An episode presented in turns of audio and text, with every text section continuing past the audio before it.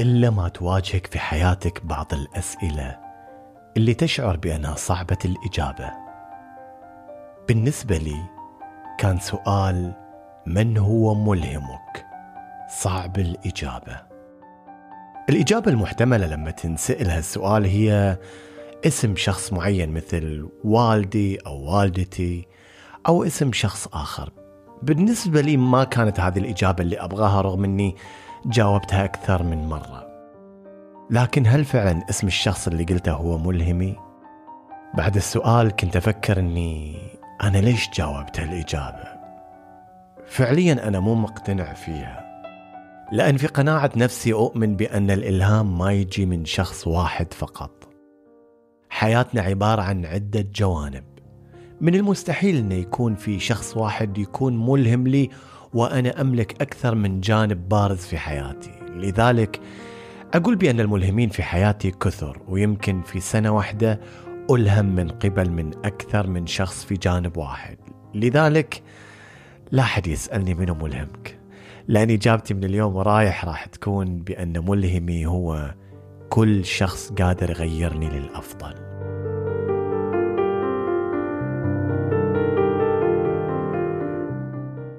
يمكن اللي يعرفوني زين يعرفوا قصتي مع الذبابة وكيف إني تعرضت للتنمر في صغري وكيف إني قدرت أتغلب على عقدة الذبابة عشان أصير الشخص اللي أنا عليه اليوم.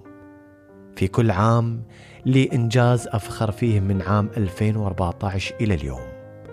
من أول ما قررت إني أغير حياتي للأفضل وكان واحد من أفضل قراراتي. ومن يومها أصبحت شخص مختلف.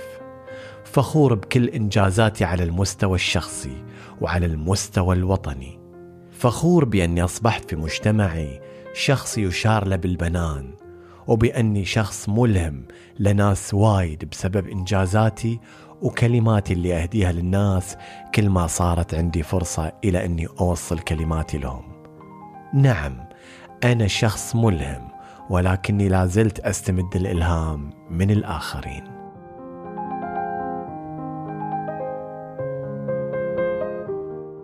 اسمعوا مني هالسالفة الجميلة قبل ثلاثة أسابيع تقريبا أو أكثر تواصلت معي إحدى كوادر المستشفى السعودي الألماني بالدمام فاطمة المرهون تطلب مني كلمة مسجلة أو مصورة محفزة أهديها لإحدى نزيلات المستشفى اللي تعاني من مرض مزمن ومنومة في العناية المركزة من وقت طويل.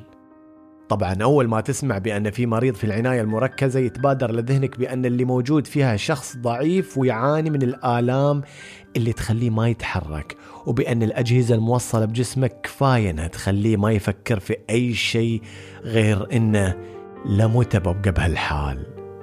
ليش أنا بالذات؟ وش مصيري؟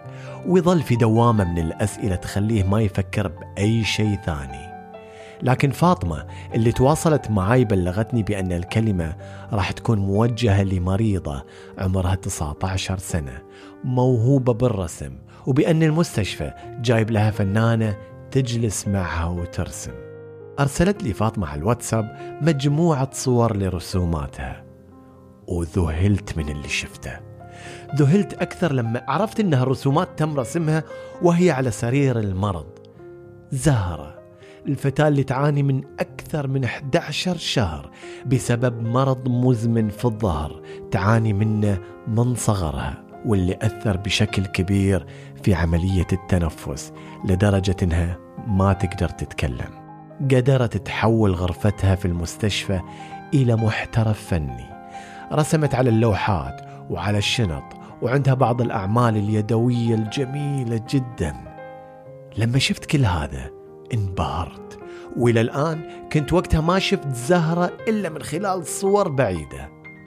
زهرة عندها أمنية جميلة جدا كتبتها على ورقة تقول فيها أن أصنع فرقا في حياتي وأتطور للأفضل ويؤثر ذلك على من حولي بشكل إيجابي.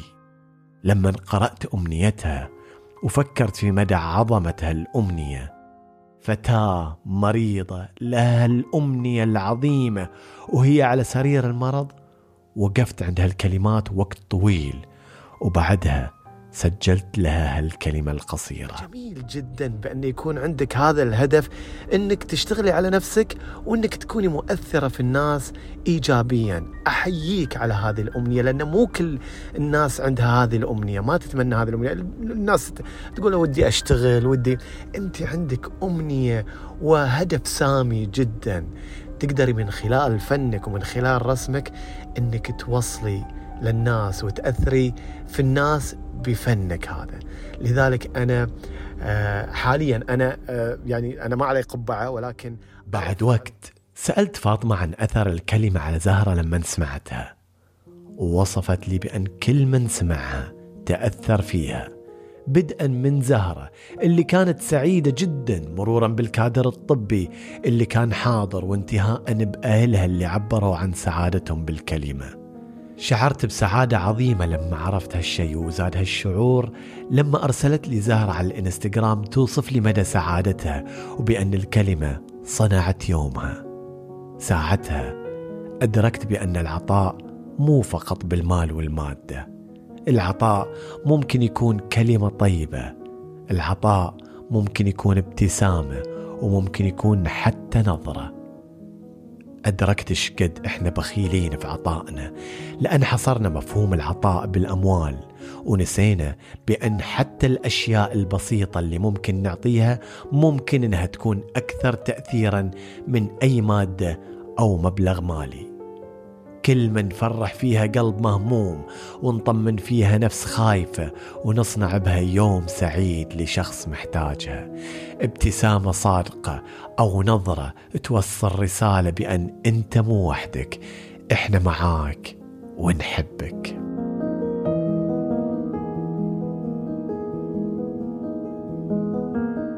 المستشفى السعودي الألماني بالدمام قام بمبادرة جميلة جدا وهي تنظيم معرض فني لزهرة في المستشفى. ودعوني لحضور هالمعرض. ويا الله شقد شعرت بالسعادة لهالدعوة. وهنا خلوني بوقف شوية حتى أوصل هالرسالة واسمعوها مني زين. والله والله والله. عمري الآن في منتصف الأربعين. جربت في هالحياة وتعبت وعانيت ومثلي مثل غيري أدور على السعادة وين ما كانت لكني ما إلا في شيء واحد العطاء. لا تسألني أنا اسأل الناس اللي تشتغل في خدمة الناس وشوف إيش قد يشعروا بسعادة لا تعادلها أي سعادة. العطاء هذا العلاج المضمون ضد الاكتئاب والحزن وعلى قد ما تعطي الله راح يرزقك بأضعاف مضاعفة من السعادة. لذلك من يوم اللي أرسلت الكلمة أم ثلاث دقايق لزهرة وعرفت إنها أسعدتها وأنا أشعر بسعادة لا تعادلها أي سعادة. كنت أنتظر المعرض بفارغ الصبر واللي كان في يوم 20 مايو 2023 أخذت بنتي يارا ورحنا المعرض. كنت أعتقد بأن معرض ملموم وصغير لكن دخلت وفوجئت بكمية الحضور والاستعداد للمعرض. لما دخلت كانت زهرة لسه ما حضرت لكن المدعوين كانوا يتنقلوا بين اللوحات الفنية المعبرة. بعد وقت قصير سمعت ضجة وشفت الناس توجهت أنظارها لمكان ما وكأن في شخص مهم جدا وصل. ركضت عشان أشوف من هالشخصية المهمة اللي حضرت. أكيد إن أحد كبار الشخصيات اللي تمت دعوتهم للمعرض. وصلت ولا الناس حانية ظهرها للأسفل ومتجمعة على شخص كان واضح إنه أقصر منهم. تقربت شوي وفوجئت بأن هالشخصية هي زهرة. زهرة على كرسي متحرك ووراها جهاز تمتد منه أنابيب موصلة بجسمها. كنت أصور بموبايلي ولما انتبهت لي زهرة أعطتني ابتسامة عريضة وأشرت لي بيدها. يا الله لا تسألوني عن مشاعري ساعتها. مزيج من مشاعر السعادة والامتنان والحب. الناس والصحافة وكبار الشخصيات كلها أحنت ظهرها من أجل أن تحصل على ابتسامة جميلة من زهرة. قص شريط المعرض أبو زهرة وكان واضح على وجه السعادة الممزوجة بالفخر. صفقنا له وهو داخل برفقة بنته اللي ما عاد اسمها زهرة. صارت الفنانة التشكيلية الملهمة زهرة. ألقوا الكلمات ووزعوا الدروع التذكارية والورود. انتظرتهم إلى أن انتهوا من كلماتهم وبعدها توجهت لزهرة بهدية متواضعة جدا. ونزلت وجلست على ركبتي بجانبها. طالعت فيها وقلت لها شكرا زهرة لأنك أتحتي لي فرصة أني أكون هنا اليوم وأهديتيني هالسعادة. خلال تواجدي في المعرض وقفوني كذا شخص من طاقم التمريض وشكروني على الكلمة الطيبة اللي أهديتها زهرة وكيف أن الكلمة أثرت حتى فيهم وبأن بعضهم صار يسمعها كل يوم. أخوها اللي يعاني من نفس المرض أيضا شكرني.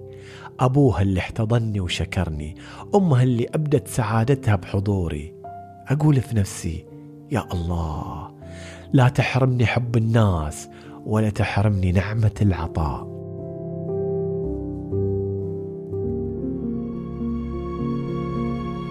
أخذت بنتي يارا وركبت السيارة وأنا محمل بمشاعر لا يمكن وصفها أبدا.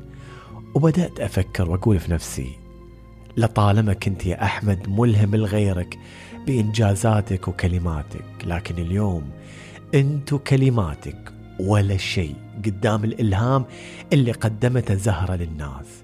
أنت ملهم وأنت في كامل صحتك وعافيتك لكن زهرة ملهمة وهي على سرير المرض تعاني الألم وبالرغم من هذا كله قادرة تنجز.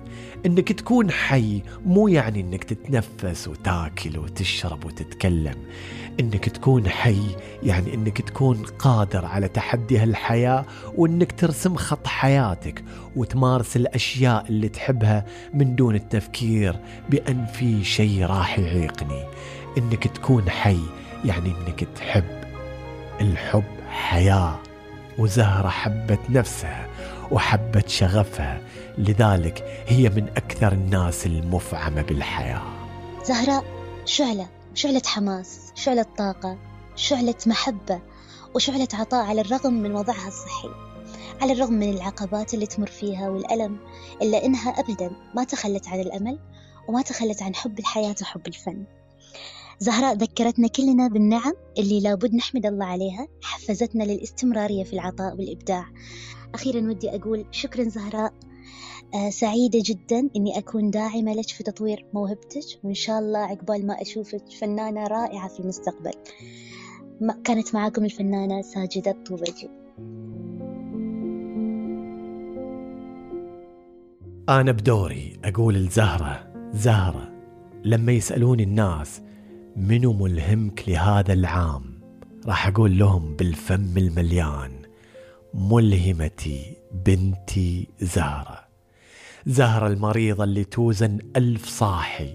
زهرة اللي قالت للمرض ما توقفني. زهرة اللي تحدت سرير المرض والأسلاك والأنابيب وغلبتهم بفرشات الرسم. زهرة اللي ابتسمت رغم الألم. زهرة اللي ألهمت مجتمع كامل ووصلت له رسالة بأن أنا مريضة وقادرة أنجز. أنت شنو حجتك يلي بصحة وعافية؟ زهرة اللي نشرت عطرها الفواح لكل الناس. زهرة شكرا لأنك علمتيني دروس خلال وقت قصير. شكرا لأنك علمتيني أن العطاء سعادة. شكرا لأنك علمتيني بأن الحياة جميلة إذا إحنا صنعنا الجمال فيها. شكرا لأنك علمتيني بأن الحب حياة وبأن كل مصاعبها ما تقدر توقفنا عن ممارسة حبنا للناس ولشغفنا شكرا لأنك علمتيني بأن العجز مو موجود في قاموس الناس اللي تدور على صنع فارق في العالم. زهرة أمنيتك حققتيها. أنت صنعتي فارق في حياة الآخرين من خلال عزيمتك وإرادتك. أتمنى من الله العلي القدير أنه يشفيك ويعافيك ويقومك بالسلامة وأنت بألف صحة وعافية. أحبائي المستمعين زهرة محتاجة منكم دعوة صادقة لها بالشفاء العاجل. ومحتاجة منكم دعم لها. تابعوا الانستغرام حقها وشوفوا يومياتها الجميلة في المستشفى. راح أخلي لكم حساباتها في وصف الحلقة وهم بعد راح أخلي لكم المقال اللي كتبت الصحافة عنها وبعض الصور. لا تنسوها بالمتابعة والكلمة الطيبة. وعلى فكرة زهرة تستعد لافتتاح صفحتها الخاصة بأعمالها واللي تعرض فيها لوحاتها وأعمالها الفنية الرائعة. تكفون. لا تنسوها من الدعم. وهذا الشيء اللي أبيكم تسووه بعد ما تنتهي الحلقة. لكل شخص منا أحلام وطموحات. فقط عليكم أن تضعوا ثقتكم بالله وتؤمنوا بقدراتكم وعقولكم. تمنوا واحلموا حتى آخر يوم. تمنوا واحلموا حتى آخر أيام حياتكم. أحبوا الآخرين وابتعدوا عن كل من يجلب لكم اليأس. اطمحوا بقدر ما تستطيعون. بدايتي كانت قلم وورقة. حتى أصبحت لوحات تعرض ويأتي لرؤيتها الجميع استمروا في العمل ما دمتم على قيد الحياة. أوجه شكري إلى أهلي أولا وعائلتي في قسم ال ICU ومسجد الحمزة وبالخصوص أختي التي لم تلدها أمي. ليلى شكرا لكم جميعا على دعمكم. أختكم زهرة الجابر شكرا. لكل اللي شاركوني بكلماتهم الجميلة في هالحلقة. شكرا للمستشفى السعودي الألماني بالدمام على هالمبادرة الرائعة.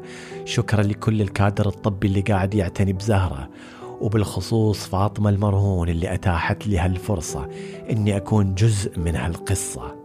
شكرا لأهل زهرة اللي واقفين مع زهرة لليوم. شكرا لكل الداعمين بأي شكل من الأشكال. وشكرا لكم أنتم أعزائي لاستماعكم. ولا تنسوني من التقييم على أبل بودكاست وكتابة التعليقات ومتابعتي على وسائل التواصل الاجتماعي واللي خليت لكم روابطها في وصف الحلقة. الآن جاء الوقت اللي أقول لكم فيه أتمنى لكم صباح جميل. ويا صباحو أنا من الممرضات اللي اشتغلت مع زهرة اللي فعلا في مرحلة من المراحل آه، أول يوم جيت شفت زهرة أنا من جويتي فعلا كنت جاي الدوام مكسورة تعبانة مش قادرة أكمل خلص بأي لحظة بدي أخذ قرار إنه خلص مش قادرة. مجرد ما رحت أنا بدي أركب كانيولا لزهرة شدت زهرة على إيدي بطريقة آه ما طلع منها صوت بس الكلام هو كان الحركة بكفي إنها تعبر عن كل هالكلام. إنه لا اقوي كملي بدنا نكمل إحنا قادرين. فحسيت إنه فعلا أنا اللي عاجزي أنا اللي كتير ناقصني إشي. زهرة كتير بنحبك ومرتك امة الخالق